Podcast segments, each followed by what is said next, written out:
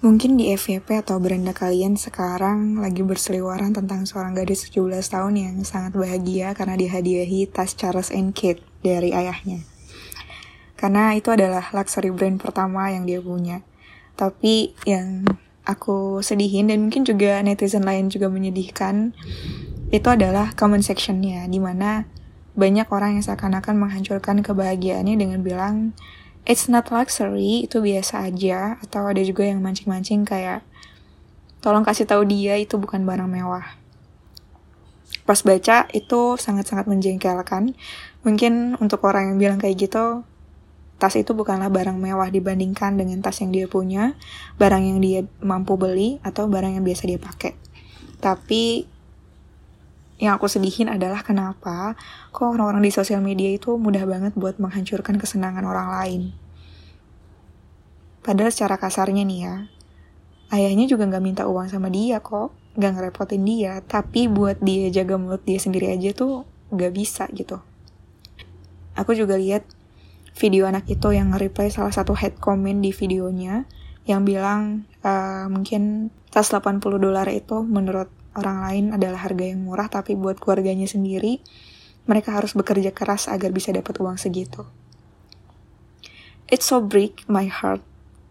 Uh, dia juga sampai nangis pas bilang kayak gitu, karena mungkin keluarga dia bukanlah keluarga yang uh, kalangan atas gitu ya.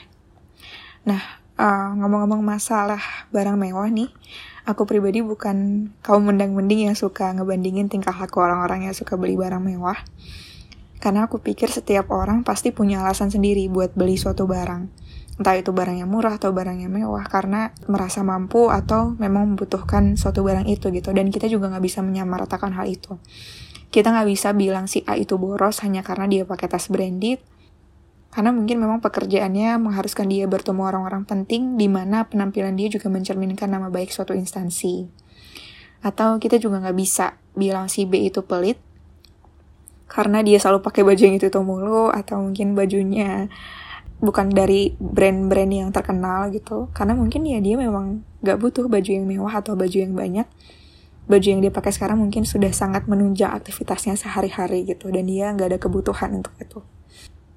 Aku pribadi uh, punya cerita saat mau beli barang mewah yaitu beli HP aku yang sekarang.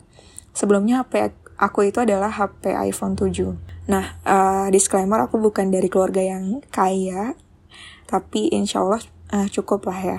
Orang tua aku pribadi juga menganggap iPhone yang sekarang aku pakai adalah hal yang terlalu mahal karena menurut mereka masih banyak HP yang bisa dibeli dengan harga lebih murah gitu.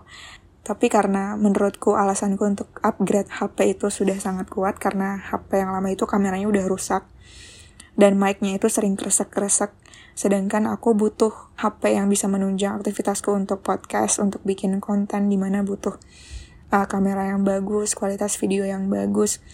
Dan uh, saat suatu barang itu bisa ngembangin skill aku, even harganya nggak murah, dan memang ada dananya dan dalam tanda kutip nggak maksain kayaknya nggak ada salahnya sih ya untuk uh, tetap diusahakan untuk dimiliki maka dari itu aku memutuskan untuk tetap beli HP ini gitu tapi aku juga memastikan, uh, mungkin juga bisa buat teman-teman lain ya pesan ini, kita jangan menjadikan barang mewah yang kita pakai itu untuk dipamerkan, tapi coba deh jadiin barang itu sebagai investasi kita. Misalnya nih aku beli HP yang rada bagus, tuh jadiin semangat nih udah HP udah mahal-mahal, ayolah dipakai buat ngonten lebih sering gitu misalnya. Uh, kan jadi bisa berbagi lebih banyak ya ke orang lain.